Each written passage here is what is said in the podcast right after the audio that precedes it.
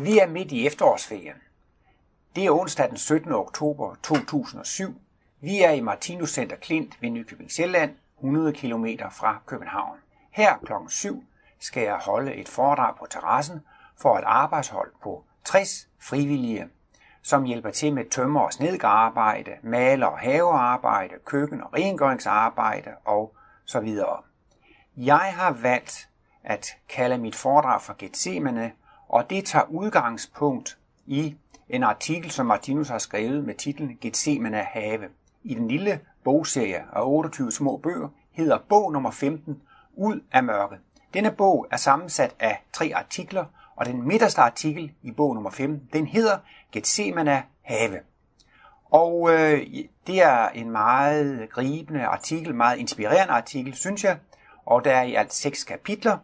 Og her øh, i slutningen af foredraget, så vil jeg bede øh, min navnebror Ole, Ole Lemmeke, om at læse det sidste kapitel, det sjette kapitel af denne artikel af Martinus op. Så her vil jeg bare sige værsgo til foredraget for arbejdsholdet på terrassen. Jeg vil i aften gerne tale om Gethsemane. Og øh, Martinus har jo gjort denne geografiske lokalitet til et begreb. Med begrebet Gethsemane, der mener Martinus, at man møder sit livs største problem. Martinus bruger altså udtrykket, at når man møder sit Gethsemane, så møder man sit livs største problem. Og så er spørgsmålet, hvad gør man, når man er i sit livs sværeste stund? Og øh, det er jo ikke det eneste sted i verdenslitteraturen, at et stednavn er blevet til et begreb. Jeg tænker på Napoleon. Han vandt jo den ene krig efter den anden, og han kunne banke dem alle sammen. Men i 1814 i Belgien, der tabte han et stort slag ved Waterloo. Og siden så er det også blevet et begreb, at hvis folk de vinder på den måde, det kan man ikke blive ved med i det lange løb og tryne alle de andre.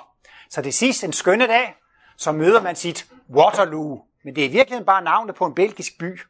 Men det var jo netop det, at når man er så overmodig og tror, man kan blive ved og blive ved og blive ved med at vinde over de andre, så vil man opdage, at en skønne dag, så møder man sit Waterloo.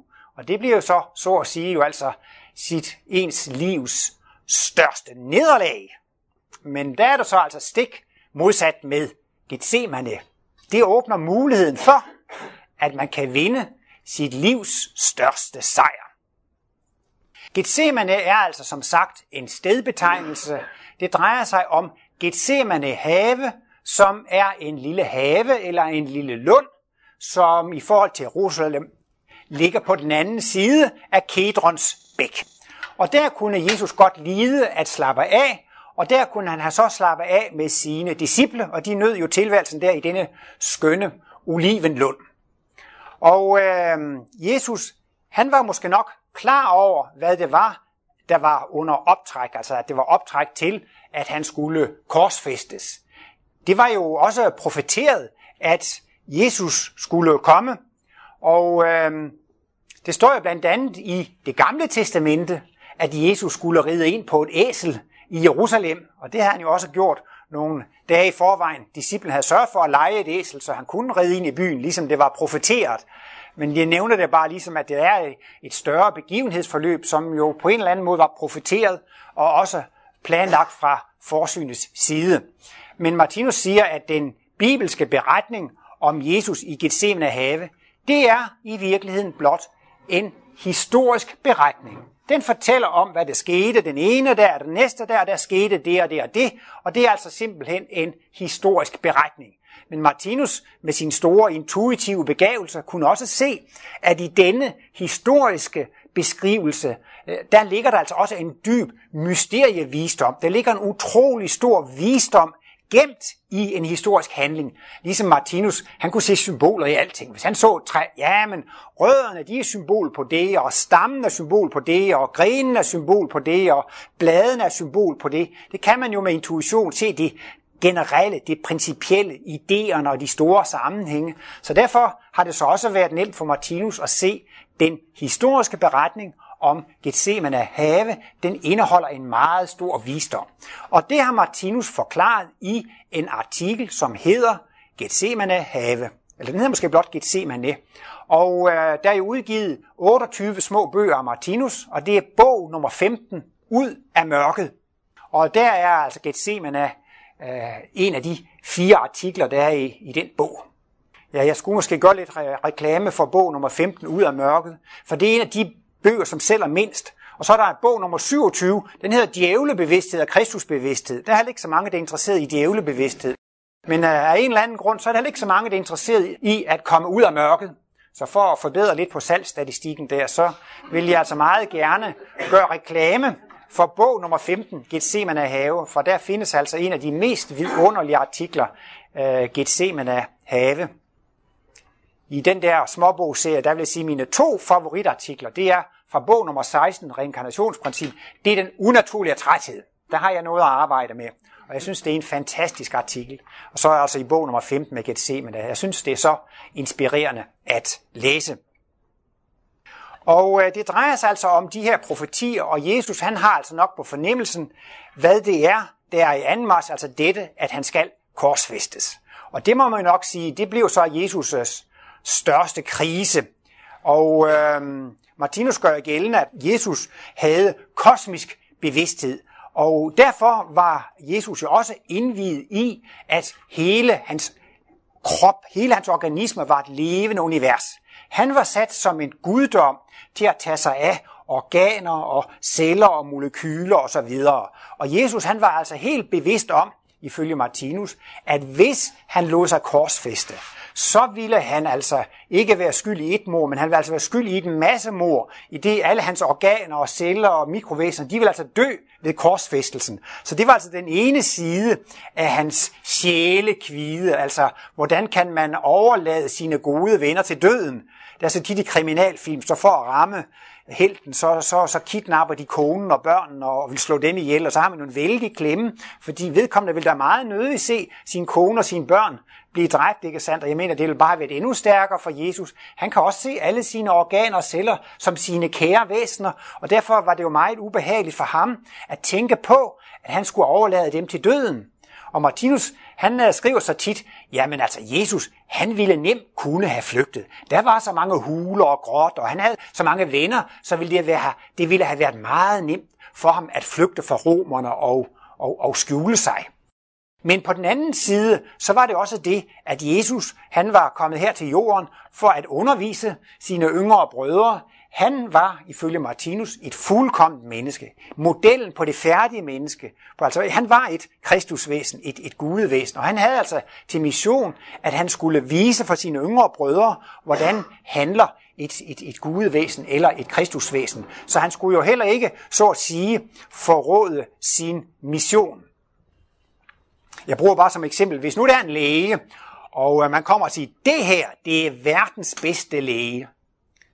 Og hvis så alle mennesker er sunde og raske, og vi ser ikke noget til, hvad han kan, ham lægen, så begynder man jo at tvivle på, om han nu virkelig er verdens dygtigste læge. Men hvis der er fem dødssyge patienter, og han helbreder dem alle sammen, så vil man sige, der kan I se, han er altså en dygtig læge, fordi hans evner blev sat på en stor prøve.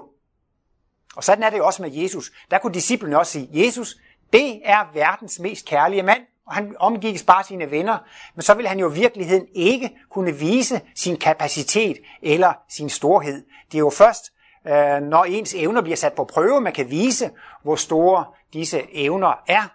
Og Jesus han skulle jo netop vise al kærligheden, en betingelsesløs kærlighed, en betingelsesløs kærlighed til alt og alle.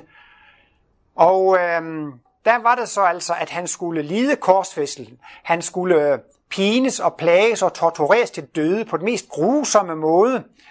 Jeg læste engang i øh, en påske, altså en avis ved påske, hvordan det egentlig ville være at dø ved en korsfæstelse fra et medicinsk synspunkt. Og nu kan jeg ikke huske det, men altså, det forklarer jo, hvilke nerver, der kommer i klemme, når man slår søm igennem hænder og fødder. Og hvis man så synker synker ned, så kan man ikke ånde, og for at ånde skal man hæve sig op, og så går det ondt her, og man, altså den anden synes jo, det kan være slemt nok at sidde i bus i fem timer og ikke kan strække benet, men altså hvordan søren må det så ikke være at, at være sømmet til sådan et kors i den samme stilling, og det må jo og han fik jo tårne krone på, og blodet løb ned i øjnene på ham, blev pisket og plaget. Der er jo en, der Mel Gibson, som har lavet en Kristusfilm, The Passion of Christ, og den viser på den grusomste måde, hvordan han blev tortureret i ni timer. Jeg vil ellers gerne have set filmen, jeg vil ikke se den, da jeg hørte, hvor grusom den var. Men altså, det gør jo ikke historien dårligere, for det viser netop, hvor grusomt han blev tortureret. Og så selv i den tilstand, så havde han sympati for de mennesker, der gjorde det. Åh, de stakler, de ved jo slet ikke, hvad de gør. Så han bad simpelthen for dem, og han bad fader forlade dem, for de ved ikke, hvad de gør. Og det er jo altså simpelthen den største og den mest betingelsesløse kærlighed. Selv i den værste tortur, i den værste smerte, i den værste lidelse, så havde han alligevel sympati. Og det er jo også sådan nogle smukke ord, når Jesus siger, man skal velsigne sine fjender. Man skal velsigne dem, der forfølger en. Og man skal hjælpe dem, som er, er, er imod en. Og det er jo en fuldstændig paradoxal løsning, som folk faktisk ikke selv kunne komme på. Martinus taler jo om det gamle testamentets epoke, han taler altså om Moses-epoken, og så taler han jo om, det, om Kristus-epoken. Og øh, den store forskel, det er jo der, at med, med Moses-perioden, det nye ved det, det er, at nu er der kun én Gud. Tidligere har man haft mange guder, og tidligere har man også hævnet sig helt hæmningsløst. Nu blev hævnen sat i system. Hvis de andre har stjålet en ko for os, så må vi også stjæle en ko fra dem. Og, altså det var det her med tand for tand, og øje for øje, og fod for fod, og blot mærke for blot mærke. Altså det var sådan, hævnet var sat i system, så det gik ikke helt af sporet. Men omvendt sagde Martinus også, at den blev i den grad sat i system, så det blev en vane, det blev en rutine, at man skulle give igen, at man skulle hævne sig. Og øhm, her til morgen hørte vi jo et bondforedrag her på terrassen. Det var Martinus' 89 års fødselsdagstale, og der sagde han flere gange, menneskehedens største svøbe er forsvarstanken. Altså det er simpelthen det, at mennesket mener, de har den retten til at forsvare sig, når de bliver angrebet. Og øh, så på en måde var det selvfølgelig meget godt med Moses, at hævnen blev sat lidt i system, men den er altså blevet indarbejdet til, til C-funktion. Folk har simpelthen ikke kunnet se nogen anden løsning på problemet. Og der kommer Jesus jo virkelig med den paradoxale løsning. Man skal elske og velsigne dem, der er imod en. Og øh, Martinus øh, skrev jo i de sidste 10 leveår på en bog, han kaldte for Det tredje testamente. Og den er jo lige blevet udgivet her i 2004 under titlen Den intellektualiserede kristendom, efterladte manuskripter. Og der er øh, et meget smukt kapitel, andet kapitel, hvor Martinus beskriver øh, Jesu mission, og der sætter han det også ind i et globalt perspektiv. Og der skriver han så, at korsfæstelsen, det var et kosmisk glimt for jordkloden. Det var den største og den mest fornemme gudstjeneste, der nogensinde er født på jordkloden. Og øhm, det, der altså var det vigtigste ved Jesu mission, det var, han var modellen på et fuldkommen menneske. Han skulle vise, hvordan et gudevæsen, et kristusvæsen øh, øh, handler. Og så altså, for at gøre det så klart og så tydeligt, så bliver det jo altså i den største smerte og lidelse, havde han alligevel kærlighed for dem, der gjorde det for sine bødler. Og der siger så Martinus, at dette var intet mindre end et kosmisk glimt for jordkloden.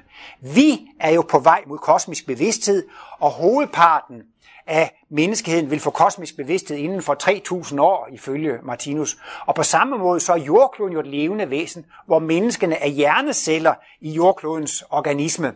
Det vil sige, at jordkloden er også på vej mod at få kosmisk bevidsthed. Og der har jordkloden altså for 2.000 år siden fået et kosmisk glimt. Og der pointerer Martinus, fra det øjeblik af, var det ikke længere logisk at hævne sig. Men indtil den dato, så kunne man ikke tænke anderledes. Man, man, man kunne ikke finde andre løsninger. Og det er da også fuldstændig paradoxalt. Han vil ikke hjælpe mig. Hvorfor i alverden skulle jeg hjælpe ham? Han forbander mig og imod mig. Hvorfor i alverden skulle jeg velsigne ham? Så det var jo altså... Men derefter siger Martinus, nu var det demonstreret. Nu var det altså kommet til jorden. Så fra, fra det øjeblik af var det ikke længere 100% logisk at hævne sig. Der er jo også den her vidighed med, at vi skal have en udvikling fra krigsministerium til forsvarsministerium til tilgivelsesministerium. Men vi er jo her på jorden ikke kommet længere til det her med forsvarsministeriet. Og det er jo det, der berettiger en til at slå andre ihjel, når det sker i forsvar. Men Jesus lærer, det var jo 100% pacifisme. Man skal vende den højre kind til, når man bliver slået på den venstre. Det kan selvfølgelig virke lidt provokerende, og det kan også være, at man får en på den anden side af hovedet, hvis man gør det på den måde. Men han mener bare, at hvis nogen vender den dyriske side til os, så skal vi vende den menneskelige side til. Det er jo altså vende den, den anden side til. Hver gang man bliver mødt med en dyrisk side hos andre, så skal man vende den menneskelige side til. Det er altså det, der er løsningen. Og det var det, der var kernen i Jesu mission. Og så står Jesus altså i Gethsemane have og har altså øh, valget imellem to ting. Og det ene er altså at forråde sin mission. Han skulle jo vise dette øh, for, for menneskeheden, hvordan et gudevæsen opfører sig. På den anden side, så vil han jo også gerne beskytte sit mikrokosmos. Han vil jo gerne beskytte sine kære venner i form af organer og celler mod at dø. Og det er så altså Jesus største sjælekvide. Og han følte virkelig, at det var et stort problem. Og derfor bad han så øh, disciplene om at øh, våge, altså holde sig vågne sammen med Jesus, fordi han, han, han, han vidste, at det ville blive en lang nat for ham at komme igennem. Øh, men så sker der alligevel det, at alle Jesu disciple, de falder i søvn. Og det tolker Martinus så symbolsk, at alle vi mennesker, vi kommer en skønne dag i en meget problematisk situation. Og så vil vi gerne have hjælp af vores venner. Er det ikke det, man har venner til? Det er jo netop at få hjælp, når man er i en vanskelig og en svær situation. Og der ville Jesus jo også gerne have hjælp af sine venner, men de faldt i søvn. Og det betyder så bare symbol set, at ens venner, de er der ikke. De forstår det ikke, eller de kan ikke hjælpe en. Det er jo et meget fint udtryk i hvert fald, at de er bare faldet i søvn. De, de er der ikke. De er ikke til rådighed til at hjælpe mig. Det vil sige altså, at Jesus kom i en sådan situation, at han ikke kunne få hjælp af sine venner, og sådan vil vi alle sammen en skønne dag komme i en situation, hvor vi heller ikke selv kan få hjælp af vores venner. Og så er jo så spørgsmålet, jamen hvad gør man så i sådan en svær situation? Og der siger Martinus så, jamen det er jo så klart demonstreret ved, ved Jesu øh, handlinger der. Og øh, han beder så, og der beder han så om, at lad denne kalk gå forbi mig. Og en kalk, det er altså åbenbart et bæger. Og I ved jo blandt andet, Sokrates, han blev dømt til døden ved, at han skulle tømme et bæger med skarntydesaft. Så det har altså været sådan en måde, at, at man skulle henrettes ved at tømme et giftbæger. Og når så Jesus beder om, lad denne kalk gå forbi mig, så beder han om at slippe for at tømme giftbægeret. Og det vil faktisk sige, at han beder om, at han ikke skal korsfæstes.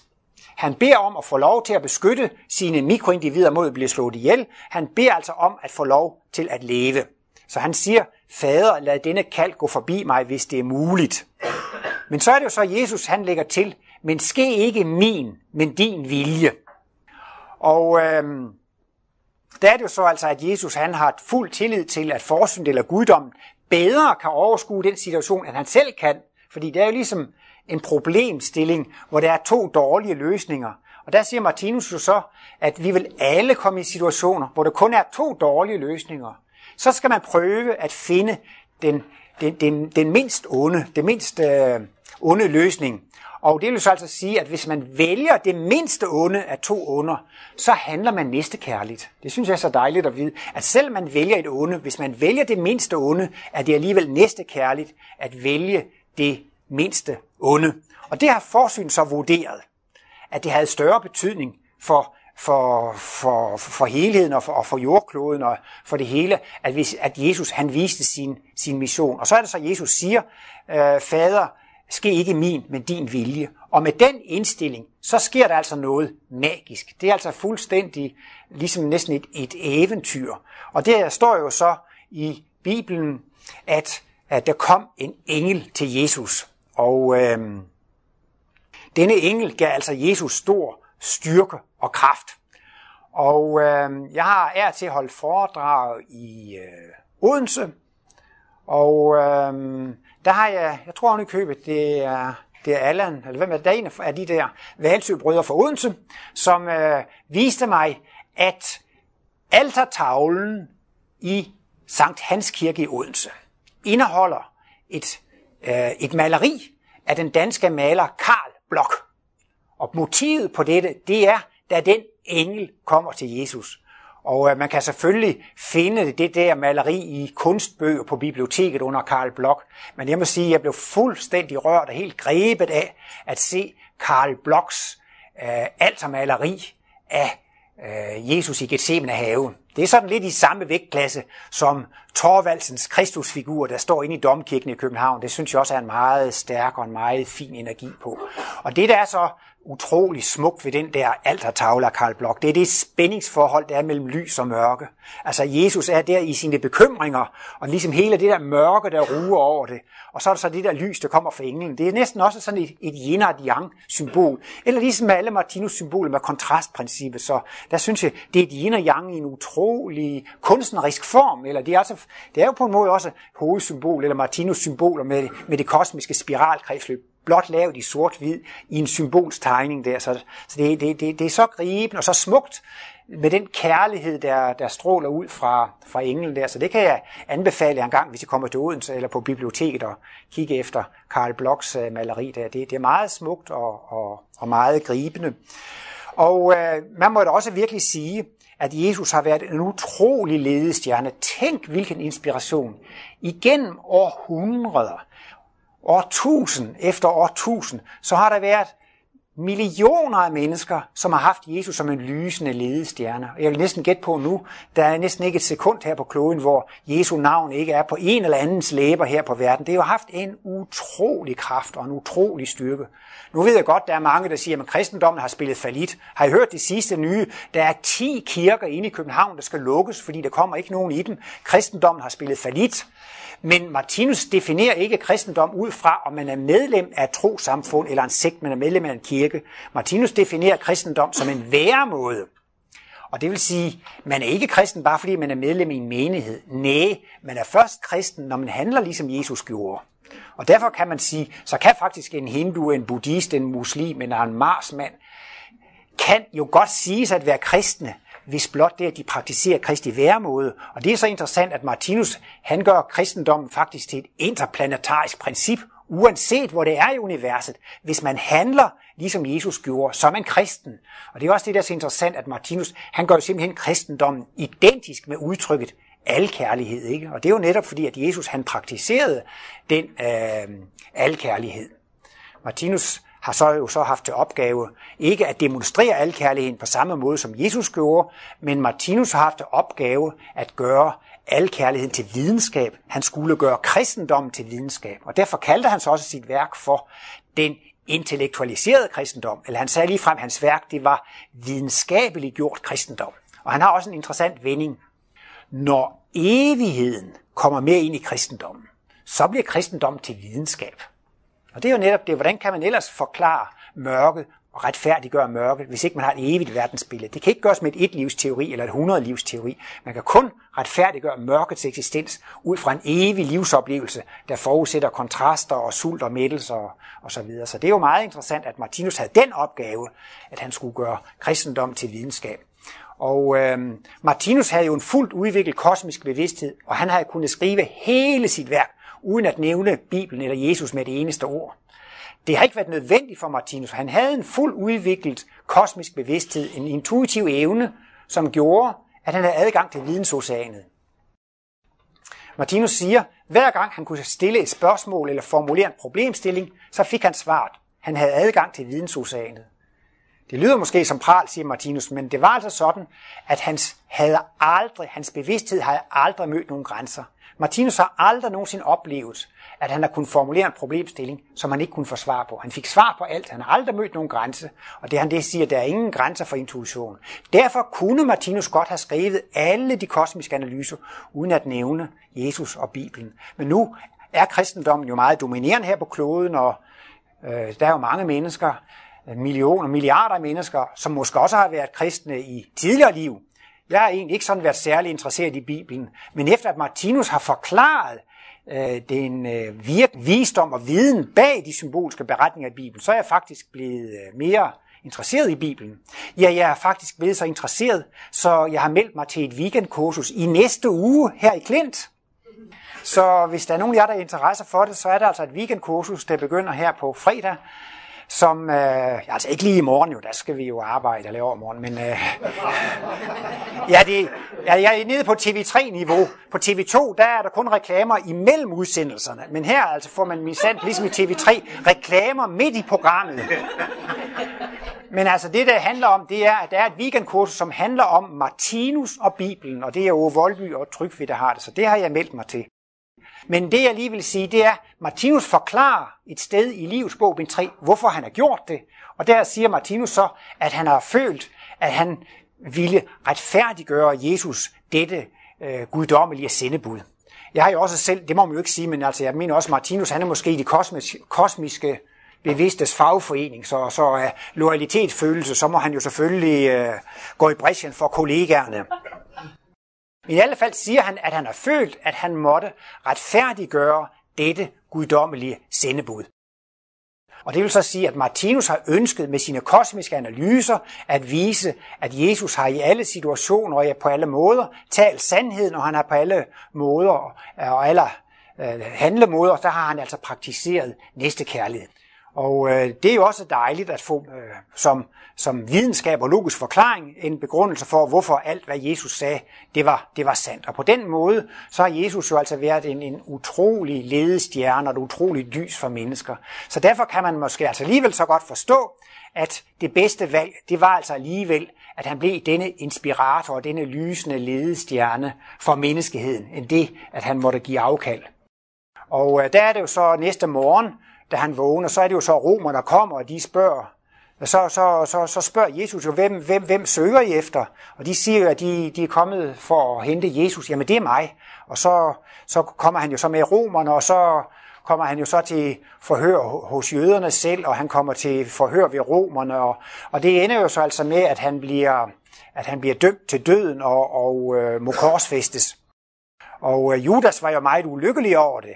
Han havde jo blot ville pege på Jesus for at øh, Jesus skulle få, øh, ja skal man sige, lejlighed til at lave et nyt mirakel. Han kunne slet ikke forestille sig, at Jesus ynkeligt skulle slås ihjel af romerne. Han har jo kun set Jesus kunne gøre mirakler, og derfor ville han måske stråle sig lidt i mesterens lys og sige, her, det er min mester, og så kunne han lige lave et mirakel, ikke sandt? Så vokser man jo selv lidt, når man sådan kan lyse sig lidt i, i skæret, eller lyser fra mesteren. Og derfor har Martinus også ytret det der udtryk med Judas-princippet. Det er at gå lidt foran forsynet, og det handler også lidt om, altså, at man gerne vil lyse sig lidt. At man kan have lidt for travlt, og det, det kender jeg da også selv til, og man bruger det også tit i forbindelse med en diskussion om udbredelsen af kosmologien. Nogle gange så vil man gerne have, at det er mig, der skal udbrede kosmologien, og det skal gerne gå rigtig hurtigt, og det er rigtig mange, der skal høre på det. Og så kan man også godt komme til at lide lidt af dette Judas-princip, ikke sandt? Og hvis det altså så bliver for galt, så møder man altså tærkelsens vogter. Nå nej, øh, tærskelens vogter. Og øh, det kan I læse meget om. Det er artikel nummer 9 i øh, artikelsamling 1, øh, Tærsklens vogtere. Og det er jo netop at det, at tærsklens vogtere, det er dem, der sørger for, at vi kommer ind i paradiset. Paradiset er bevogtet af keruber øst og vest for paradiset. Det vil sige, at man må ikke uberettiget komme ind i paradiset, ind i lyset. Der er nogen, der vogter på en, som ikke kommer derind. Men det interessante i Martinus analyse, det er, det er ikke nogen derude. Det er ens egne ufærdige sider. Det er ens egne dyriske sider, som er tærsklens vogtere. Man skal ikke tro, man får et kosmisk glimt i et raseriudbrud.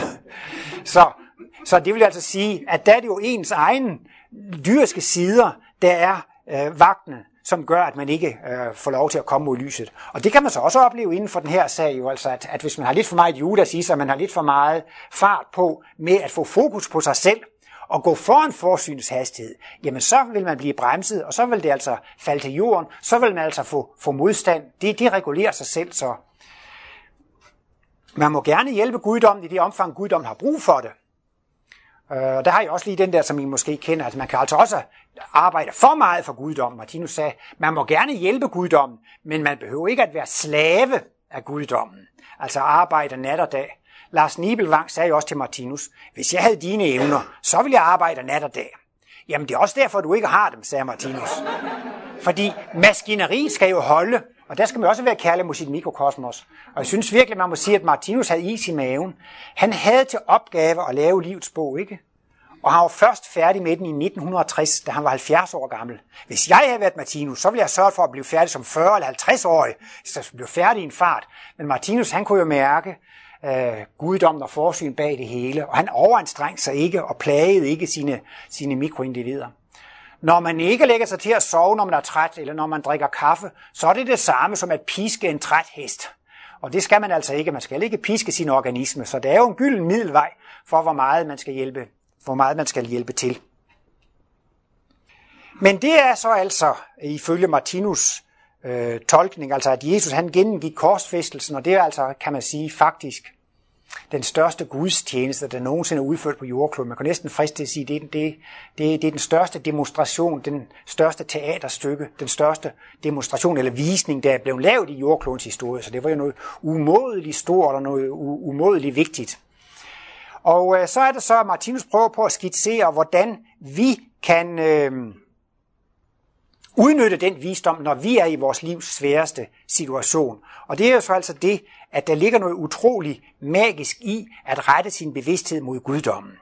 Og øh, et af Jesus øh, store visdomsord, det er jo, ingen har større kærlighed end den, som vil give sit liv for andre. Og det gjorde Jesus jo rent bogstaveligt. Han gav sit liv for at demonstrere, så kærlig kan man være, at man kan elske sine bødler. Så kærlig kan man være. Det er da bogstaveligt talt at give sit liv for andre. Jeg hørte også, at i forbindelse med Titanic, at der var nogle præster, som gik ud af nogle overfyldte redningsbåde for at redde de andre. Der kan man da også virkelig bogstaveligt talt sige, de gav deres liv for andre. Det kan også være, at det er krig og hungersnød. Så kan der også være nogen, der beslutter sig for ikke at spise noget, for at de andre kan få noget at spise. Det kan man kalde bogstaveligt at give sit liv for andre. Men det skal jo også tolkes symbolsk. Man kan sige, blot det, at man vil ofre noget af sin egen bekvemmelighed for at hjælpe andre, det er også at give sit liv for andre.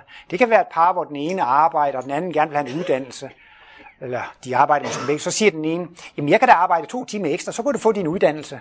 Så kan man sige, så offrer vedkommende også lidt af sin egen bekvemmelighed for at hjælpe den anden. Det er da også at give sit liv for, for, for, for andre. Nu er der også mange, der har meget svært ved på en måde at forholde sig til det der med, at man skal gøre Guds vilje. Derfor gør jeg nogle gange, at jeg forklarer det sådan lidt mere ingeniørmæssigt ved at sige, der findes to levende væsener. Det er en selv, og så helhedsvæsenet. Martinus definerer faktisk guddommen som alt, der eksisterer, og alt er Gud. Og hele universet er et levende væsen, ikke sandt? Al livsoplevelse er en vekselvirkning mellem en selv og det omgivende univers. Og eftersom universet er et levende væsen, så bliver det jo altså en samtale imellem to levende væsener. Og det vil så sige, at man er altid stedet over for helhedsvæsenet. Og det, der er det væsentlige, også i forbindelse netop med Gethsemane, det er så, at når man kommer ind på at vil gøre Guds vilje, så har man en sådan tankegang. Den går på, jeg er indstillet på at gøre det, der tager gavn for helheden. Det kan godt være, at man ønsker at vinde 27 millioner i lotto, og man ønsker at få sommerhus med strandudsigt, og der er så mange ting, man gerne vil have. Men altså, der er jo tit mange af de ønsker, at hvis jeg fik alt det, jeg gerne ville have, så var der altså nogen, der blev fattige, som nogen ikke fik så meget. Ikke? Og der er det jo så alle bestræbelser, hvor man prøver på at få noget til sig selv, men det går ud over totaliteten, så er man jo et minus for helheden. Hvordan skulle helheden stille sig til sådan et projekt? Ja, det er da klart, at helheden burde da gå lidt modstand imod, at helheden bliver ødelagt. Og det er jo så netop det, Martinus forklarer i forbindelse med bøndens mysterium. Egoistiske bønder, som er til skade for andre, de falder på eget greb. Det kan helhedsvæsenet ikke være interesseret i. Men hvis man har en bøn, som er til gavn for en selv, samtidig med at den også er til gavn for helheden, hvordan ser helhedsvæsenet på det? Jamen det er da klart, at det bliver der hørt. Og jeg synes også, det er lidt interessant. Martinus gør gældende, at hvis vi har smerter og forskellige organer i benet osv., så, så, så siger han, når vi kan mærke smerte, så er det faktisk mikrovæseners kollektive bøn om hjælp, som vi kan opfange. Altså vores mikrovæsener beder om hjælp. Hvorfor i alverden skulle jeg hjælpe mine mikrovæsener? Jo, fordi det er min egen interesse. Fordi hvis jeg vælger mine mikrovæsen, så går det ikke ondt i mig mere.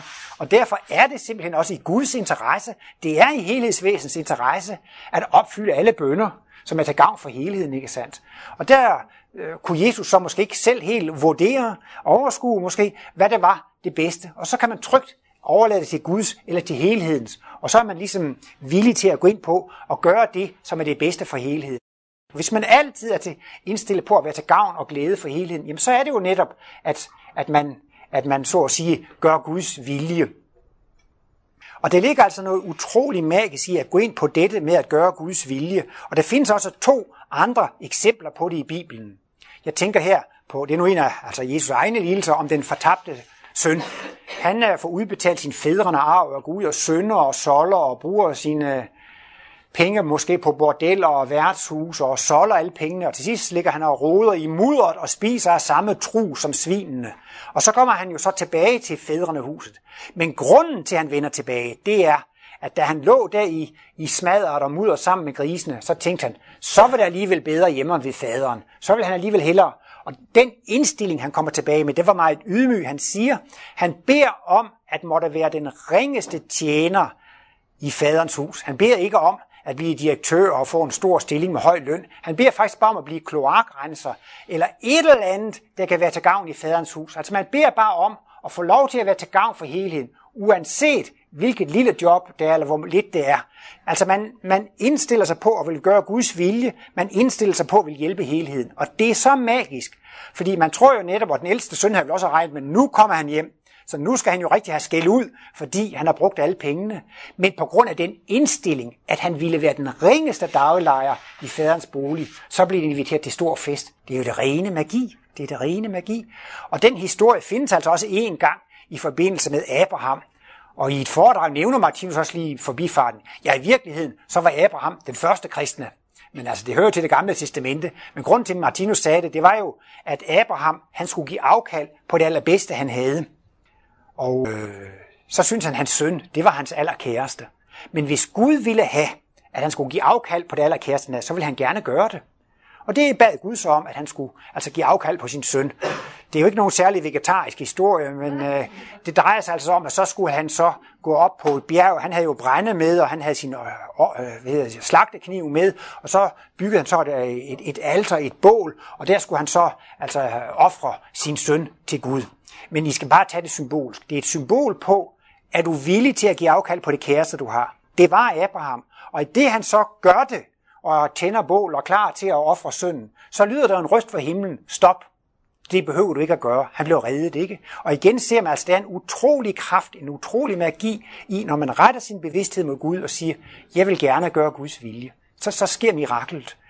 Og øhm, det sker jo altså også det mirakel i Gethsemane have, at der kommer en engel og hjælper, og hjælper øh, Jesus. Øh, nu kunne, og det mener Martinus, det gør det for os alle, men vi har måske ikke de psykiske evner som Jesus, så vi kan jo ikke se, at den engel kommer. Men nogle gange kan man måske alligevel mærke, at de går ind i ens aura, og at man får den, den hjælp og, og, og, og, og den støtte. Martinus han havde så tit sådan nogle eksempler med, at hvis nu der var et ægtepar, så var der en husven, og så kommer husvennen jo tit på besøg, og så sker der jo nogle gange det, at husvennen bliver forelsket i konen i huset. Og så mm, bliver der jo tale om utroskab, og der bliver jo tale om skilsmisse. Og det kan jo måske være mandens værste situation. For det første var husven jo hans bedste ven, og, og konen var den, han satte størst pris på, og så tænkte de to, de rotter sig sammen, og, og, og man bliver simpelthen så ulykkelig. Det kan måske for et menneske være livets sværeste situation. Hvad skal vedkommende gøre i den meget, meget svære situation? Og det normale, man gør, det er jo at kæmpe, at kæmpe for at få den anden tilbage. Men så bliver man jo på en måde meget mere usympatisk, ikke sandt? Og der er det jo så fantastisk, at man må gerne bede om, giv mig min ægtefælle tilbage. Lad denne kald gå forbi mig, hvis det er muligt. Men hvis man lægger til, men ske ikke min, men din vilje, så bliver man aldrig skuffet. For det er jo det, der altid sker. Det er jo Guds vilje, det altid sker. Og derfor siger Martinus, man kan lære at bede på en sådan måde, at man aldrig bliver skuffet.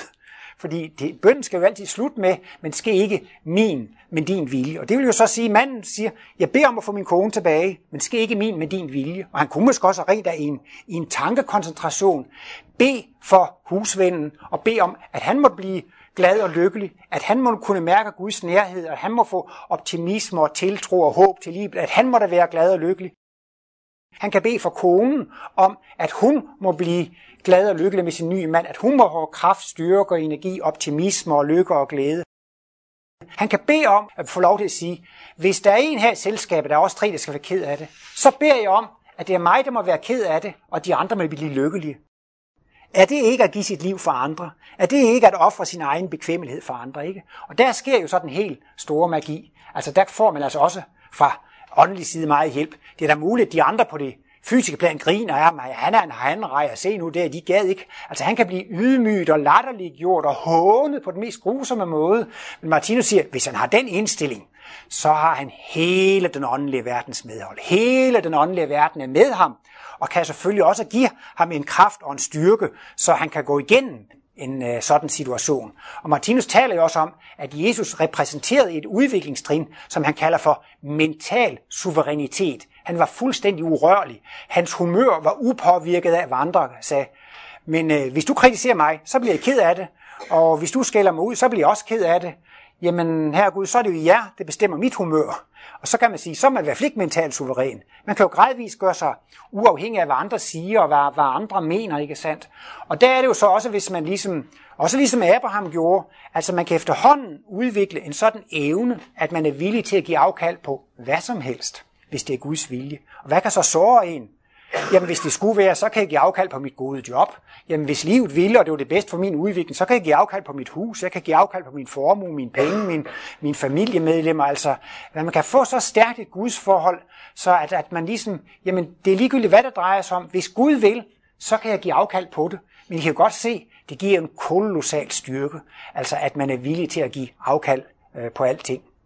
Jeg plejer også lige at have den her for, at, sådan, for, også for at hjælpe på noget af logikken. Hvis nu man har flere millioner i det her liv, og godt kunne tænke sig at overføre de her millioner til næste inkarnation, hvordan skal man så bære sig ad? Normalt kan man ikke huske kontonummeret næste gang. Og arvingen, og arvingen har jo sikkert plyndret boet, inden man kommer tilbage. Så hvordan i alverden skulle man overføre sine mange millioner til næste liv? Det er igen den paradoxale løsning. Man skal bare give alle pengene væk. Fordi så sætter man dem ind i karmabanken, og så får man dem igen i næste liv. Og det er jo netop det kinesiske ord, evigt ejes kun det givende. Det eneste, man kan eje, det er det, man, har, man kan give væk, så man bliver slet ikke fattig af det. Nu snakker man også tit om, at det skal komme en tredje verdenskrig. Af for søren, så falder kursen på mine aktier. Ja, selv kursen på mine obligationer falder. Ja, lige så snart jeg er i krig, så må jeg nok hellere sælge dem og tage dem ud i kontanter. Eller skal jeg sætte dem i fast ejendom? Eller det ville jo være ærgerligt, hvis jeg skulle miste en million på grund af kursfaldet eller sådan noget. Og det kan man jo ærge sig meget over sådan noget, ikke? Men det kan man altså trøste sig med, hvis man har det her gudsforhold, og hvis man har forstået det her med karmabanken. Hvis man skulle være så heldig at tage en million kroner, ikke sandt? så er den gæld jo gået af i, i uh, karmabanken. Og hvis man uretmæssigt ved spekulation skulle få en million for meget, så har man jo fået en minus en million i karmabanken. Det er også så meget med de her ejendomspriser og huspriser. Hvis, og så sælger man sit hus til toppris. Men hvis man får for meget for sit hus, mere end det er værd, så får man jo et minus i karmabanken. Så er der nogen, der siger, åh, hvor er han dum, han solgte sit hus alt for billigt, ikke? Jamen, så har han jo fået et plus i karmabanken, ikke? Og hvad sker der så næste liv? Jamen, så får han måske selv lov til at købe et billigt hus, og den anden får lov til at købe et hus, der er for dyrt. Så i virkeligheden kan man også sige, det spiller ingen rolle, hvad for en pris man får for sine ting fordi at øh, det, det reguleres i karmabanken. Så hvis man endelig vil have de store gevinster i lotto osv., så, så er der kun én vej, og det er at give tingene væk. Det er at tjene og hjælpe. Men det skal jeg jo ikke belære jer om, fordi det er jo et meget stort arbejdshold. I går jo alle sammen at arbejde gratis her til gavn og glæde for øh, vores fælles sag og, og for et menneskerige på jorden. Så I ser det også rigtigt i Karmabanken, så det kan være, at I snart skulle indløse en lotto for at se, øh, hvor meget I har fået ud af, hvor meget I har, I har, hvor meget I har fået der i, øh, i, i, i Karmabanken. Men der kan jo altså som sagt være mange forskellige eksempler på, hvordan man kan komme i sit, i sit livs sværeste situation. Men man kan altså gradvist træne sig op til at tage det på en bedre og bedre måde. Og jo netop altså ved at, at lære at forstå, at alt det, der sker i livet, det er virkelig til gavn og glæde og velsignelse for mig. Livets direkte tale, som er rettet imod mig, har ikke straf og ulykke til formål. Det er kun det, at det kan blive belært om mine egne fejl, så jeg kan blive fuldkommen. Den ubehagelige skæbne, jeg får, har det formål, at jeg skal forvandles fra et egoistisk dyr til et kærligt menneske, så man kan efterhånden gradvist trænes op til at forstå, altså, at alt det, der sker, det er virkeligheden til mit eget bedste, altså også alt det ubehagelige og alt det, det ubekvemme. Så det gør jo efterhånden også, at man bliver helt øh, urørlig og helt suveræn, når man i den grad kan forbedre sit gudsforhold. Og den her artikel, Gethsemane have, der synes jeg, at det, det mest øh, gribende i den artikel, det er altså øh, det sidste kapitel, det sjette kapitel. Og øh, der vil jeg gerne bede min navnebror Ole, om du ville læse dette kapitel op, det sidste, sjette kapitel. Fra bog nummer 15 ud af mørket læses kapitel 6 i artiklen Gethsemane have. De bristede forhåbninger forvandles i Gethsemane til de nye muligheders vej. Hvad skal det moderne menneske der gøre, når det befinder sig midt i sit eget livs mørkeste stund, midt i sin egen korsfæstelse, sit eget sammenbrud? Det skal mobilisere hele sin intellektuelle kraft, for derigennem at finde vej til Guds vilje, Guds mening med den oplevede smerte. Gør mennesket dette, vil det ligesom Jesus vinde sejr over mørket. Til den, der i sit eget livs dybeste smerte formår at give afkald på sin egen vilje til fordel for Guds vilje, vil der altid blive sendt en engel i den mørkeste stund. Og Guds vilje følger man lettest der, hvor man giver afkald på det, som har frembragt Gethsemane. Det kan være tabet af et lille barn, en ægtefælles død. Det kan være oplevelsen af utroskab og svigten af den, man elskede højst. Gethsemane har mange måder at vise sig på. Men for dem alle gælder det, at de kun kan overvindes ved at indstille sig på det uundgåelige. Det skete kan ikke blive usket.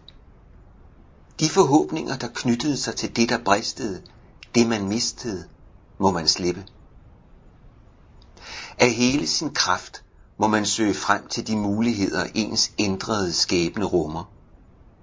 I samme øjeblik man lægger hele den oplevede smerte i Guds hånd og gør sig fri af angsten og frygten, af hadets og bitterhedens nedbrydende kræfter, der træder en lysende engel ind i vor aura, og Guds nærhed vil føles så intenst, at frygten og sorgen forlader ens sind.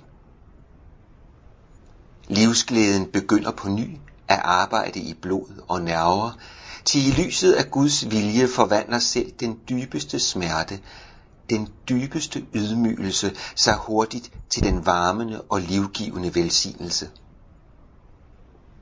Og det er hvert eneste fuldbyrdet åndeligt kredsløbs guddommelige frugt. Tak for i aften.